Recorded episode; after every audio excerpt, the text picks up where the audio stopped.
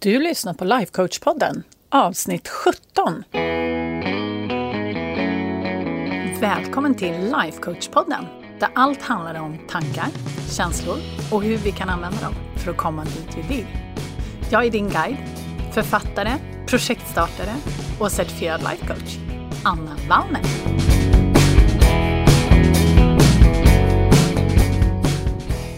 Men hej! Gud vad kul det är för att nu är vi inne i juni. Och värmen har kommit och det är bara, ja det är så härligt så att man vill ju, ja, man vill ju bara skrika rakt ut lite som Ronja sådär. Vårskrik var det väl hon hade, men nu känns det faktiskt som att det börjar bli sommar så att det är ju så himla skönt.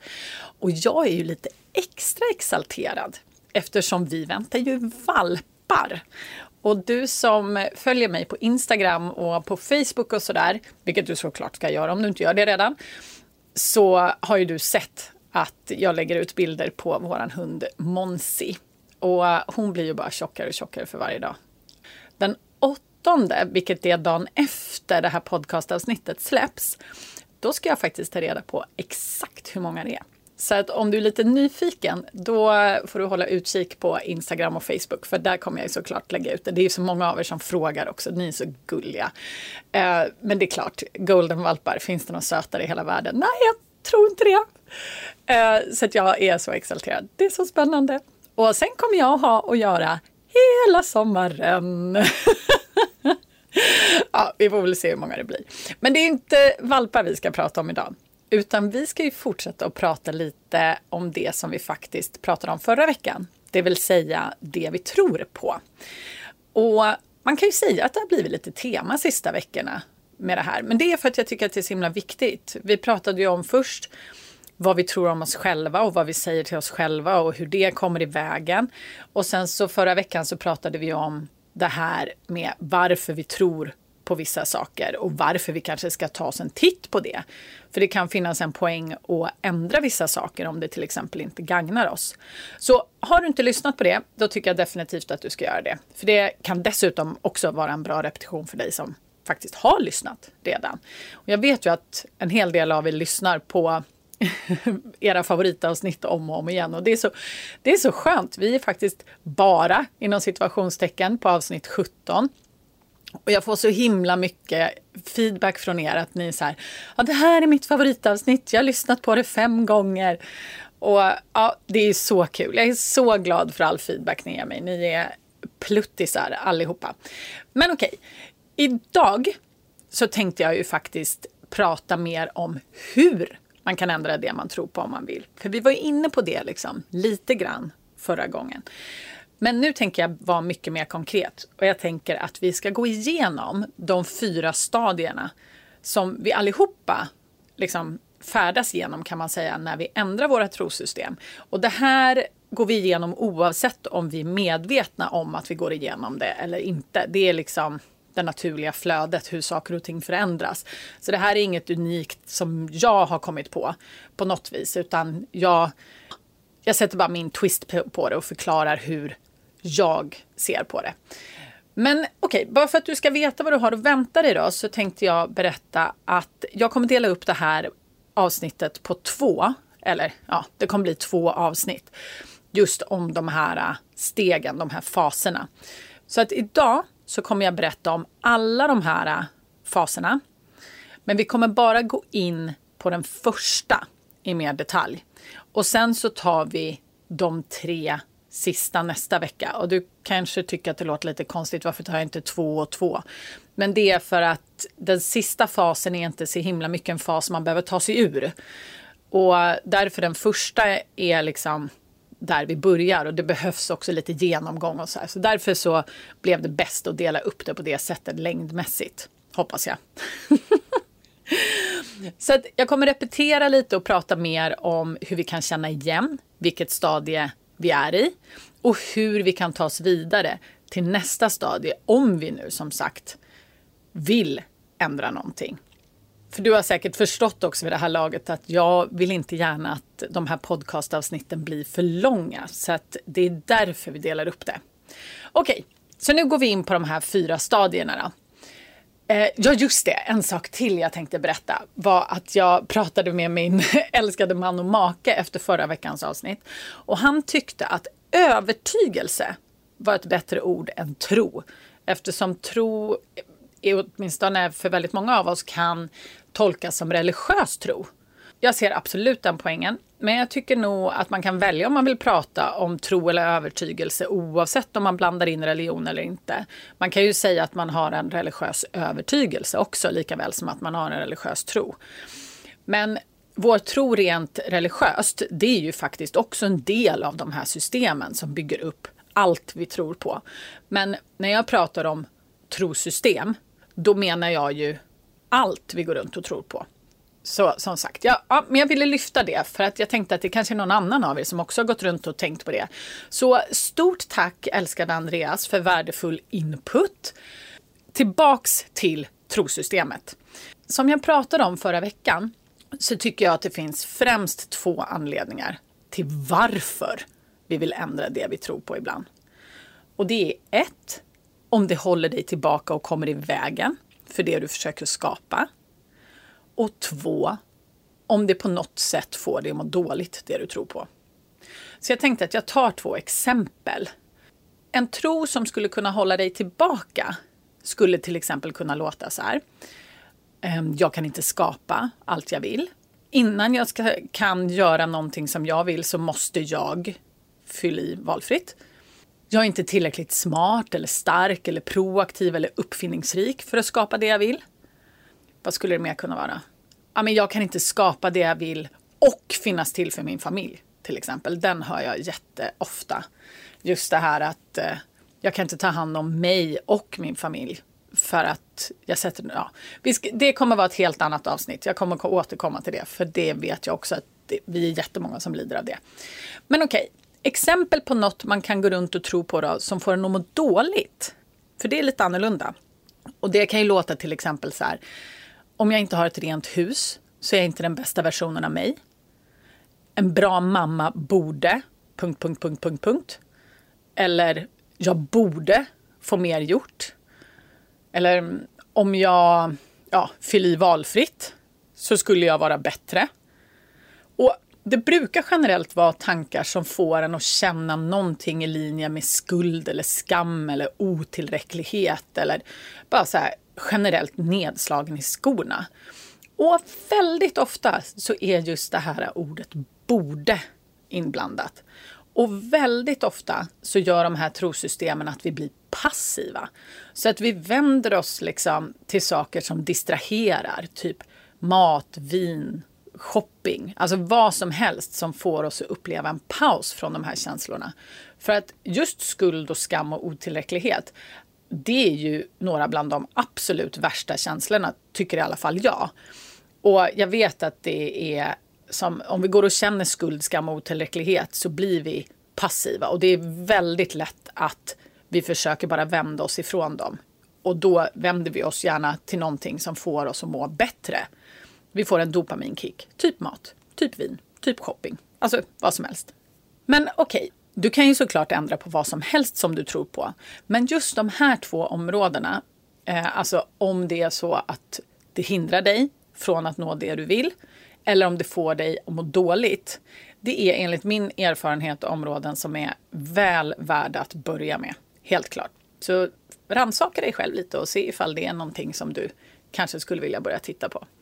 Men vi går vidare då till hur man vet vart man är och hur man faktiskt skiftar sin tro med flit. Så det ska jag berätta. Men innan jag gör det så vill jag bara lägga in en liten brasklapp. För att hur snabbt man tar sig igenom de här stadierna, det är helt individuellt. Och också väldigt beroende på vilken tro eller övertygelse det är det rör sig om just för dig. Och jag har varit med om klienter som har skiftat tro alltså inom loppet av en timme. Bara, nej men det där tänker jag inte tro. Varför, va? Varför går jag runt och tror det? Och så bara, nej men det tänker jag inte göra. Det är ju helt sjukt. Och sen så när de blir presenterade för en alla annat alternativ så bara, ja, ja men då tror jag det istället. Medan andra områden för samma person kan ta en vecka, en månad, tre månader eller ett år. Så det finns ingen tid som det borde ta att skifta en tro. Du kan inte liksom komma till mig och säga så här, hej, jag vill skifta det här. Hur lång tid kommer det ta? Ja, det, det kan inte jag svara på. Det beror ju helt på. Men det som absolut påverkar, det är hur mycket du faktiskt strävar efter att ta dig framåt. Och det är det jag ska förklara för dig nu. Där man börjar, där vi allihopa är i början, det är att vi först måste identifiera vilket stadie vi är i. Ni vet, medvetenhet är första steget till förändring. Ja. jag tjatar ju om det hela tiden. Men när man vet vilket stadie man är i, då vet man också vad man behöver fokusera på för att ta sig till nästa. Så första stadiet, där vi börjar allihopa, och vi också är medvetna om att vi vill skifta det vi tror på. Det är att där man är nu, det är att man helt enkelt inte tror att det man vill tro är sant eller möjligt. Det andra stadiet, det är liksom när man börjar glänta lite på dörren sådär, att det kanske eventuellt skulle kunna vara möjligt. Det kanske kunde vara sant. Och det tredje stadiet är att man faktiskt börjar se det som troligt. Och när man kommer till det här stadiet så ändras ju så himla mycket. Och fjärde stadiet är helt enkelt när man har skapat så mycket bevis så att det man ville tro på, det har liksom blivit ens verklighet. Det har blivit sant. Det bör ju också tilläggas kanske att det sista stadiet är ju mer ett konstaterande att det man tror på är sant. Och när man har kommit dit så har ju det man ville tro på från början liksom blivit det normala. Helt enkelt anledningen till att det inte tar så himla lång tid att gå igenom är för att när man är där så är man där. Lite grann. Så att okej, okay, repetition. Steg ett. Det är inte sant eller möjligt. Steg två. Det kanske kunde vara sant eller möjligt. Steg tre. Det är faktiskt troligt. Och steg fyra. Det är sant. Alltså det har blivit min verklighet. Så låt, låt oss titta då lite närmare på första stadiet, för det är ju det vi ska titta på idag. Och det är ju nämligen vår övertygelse om att någonting inte är sant eller möjligt. Och hur man vet att man är, är där, liksom i det här. Några tydliga kännetecken, det är att man känner sig ganska förvirrad ofta. Om man rättfärdigar sin övertygelse inför sig själv och gärna inför andra. Och man går väldigt lätt i försvar och försvarar den här tron som man har. Och man kommer också väldigt ofta på en massa ursäkter. Och man har massa invändningar. Och varför ska jag tro på det här? Det är inte rimligt liksom.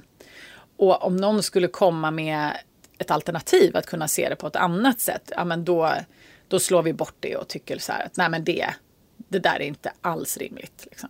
Och ofta när vi är i det här stadiet, men vi innerst inne inser att vi skulle vilja tro på någonting annat, så upplever vi väldigt ofta känslor av irritation eller ilska. Och vissa av oss känner hopplöshet och blir ledsna. Och det är liksom inte helt ovanligt att det följer med en också ganska obekväm offerkofta ibland.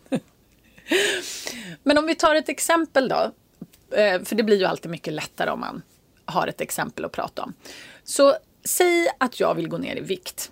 Det här är ju liksom min den här viktresan. Jag kommer komma till den, jag säger det hela tiden. Men eh, det är lätt för mig. Det är close to home. Så vi säger att jag går runt och vill gå ner i vikt, men jag tror inte att det är möjligt. Jag skulle vilja tro att jag kan gå ner i vikt och bibehålla den långsiktigt. Att jag kan förändra min relation till mat. Men när jag är i första stadiet, då tror inte jag att det är sant. Och om någon påstår att det är sant, då blir jag rätt irriterad. Just känslorna som kommer i det här är ju som sagt då att ja, men jag blir irriterad och jag blir arg. Eller så kanske jag bara blir ledsen och hopplös för att jag tycker så här att nej, nej det kommer aldrig gå, det är liksom ingen idé. Så att när jag är i det här då, då kommer jag helt säkert försöka bevisa för mig själv varför det är helt orimligt det har ju helt seriöst, det har aldrig fungerat förr.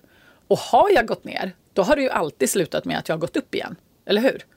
Och inte nog med att jag försvarar liksom den här tron som jag just nu har, så kommer jag ju dessutom hitta en massa bevis för varför den är helt rimlig och varför jag faktiskt inte kan gå ner i vikt. Typ, jag har så dålig karaktär. Jag äter ju alltid när jag är trött. Och jag har testat allt och ingenting fungerar. Och vi är också superduktiga på att fokusera på att det är svårt. Ja, men, ja, om det var lätt, då hade jag ju redan gått ner i vikt vid det här laget, eller hur? Och även om jag kanske kan gå ner i, till den vikten jag vill, så är chansen superliten. Och jag kommer behöva liksom bara äta grönkål eller jag kommer behöva motionera hur mycket som helst. Och, ja. och väldigt ofta så tror vi också att det är helt rimligt att andra gör det. Men att vi skulle kunna göra det, det är helt orimligt. Och sen så kommer ju alla de här ursäkterna också för varför jag inte till exempel har tid eller varför jag inte kan. Och det är ju familjemiddagar och det är jobbluncher och det är semestrar och då vet ju jag att då vill ju jag äta bröd. Och, ja. Så grejen är liksom att när jag är i det, då känns allt det här så himla sant. När jag är i första stadiet, då känns det här som att det är helt valida skäl. Och det känns helt rimligt att jag ska fortsätta tro på det som jag tror på. För allt annat är ju bara hittepå. Så resultatet, det blir ju att jag skapar liksom ingen förändring. Och jag skapar inga nya bevis på att jag kan förändra min situation överhuvudtaget. Så att det blir liksom väldigt passivt alltihopa. Så om vi gör en liten recap då. När vi är i första stadiet och blir presenterade antingen av någon annan eller av oss själva faktiskt, med en alternativ tro, att vi skulle kunna tro på någonting annat, då går vi initialt till att nej, det är inte möjligt. Det är inte sant och det är inte rimligt. Och vi blir irriterade och arga över att antingen en del av oss skulle påstå det här eller att någon annan gör det. Och väldigt många av oss blir också ganska ledsna eller hopplösa och tycker att Nej, men det här är skit för det kommer ju aldrig gå. Och så rättfärdigar vi och så kommer vi med försvar och ursäkter och bevis och hela den här... Ja, det är därför jag säger lite så här offerkoftan kommer på. Så att om du känner dig lite träffad så var lite påpasslig på dig själv. För när du sätter igång och går i försvar eller hittar på ursäkter, då vet du att då är du i första stadiet. Och då tror du inte att det är sant eller möjligt. Så ta en paus, andas. För nu så ska vi skifta till stadie två. Men det gör vi ju i nästa vecka. Eller hur? Puss och kram!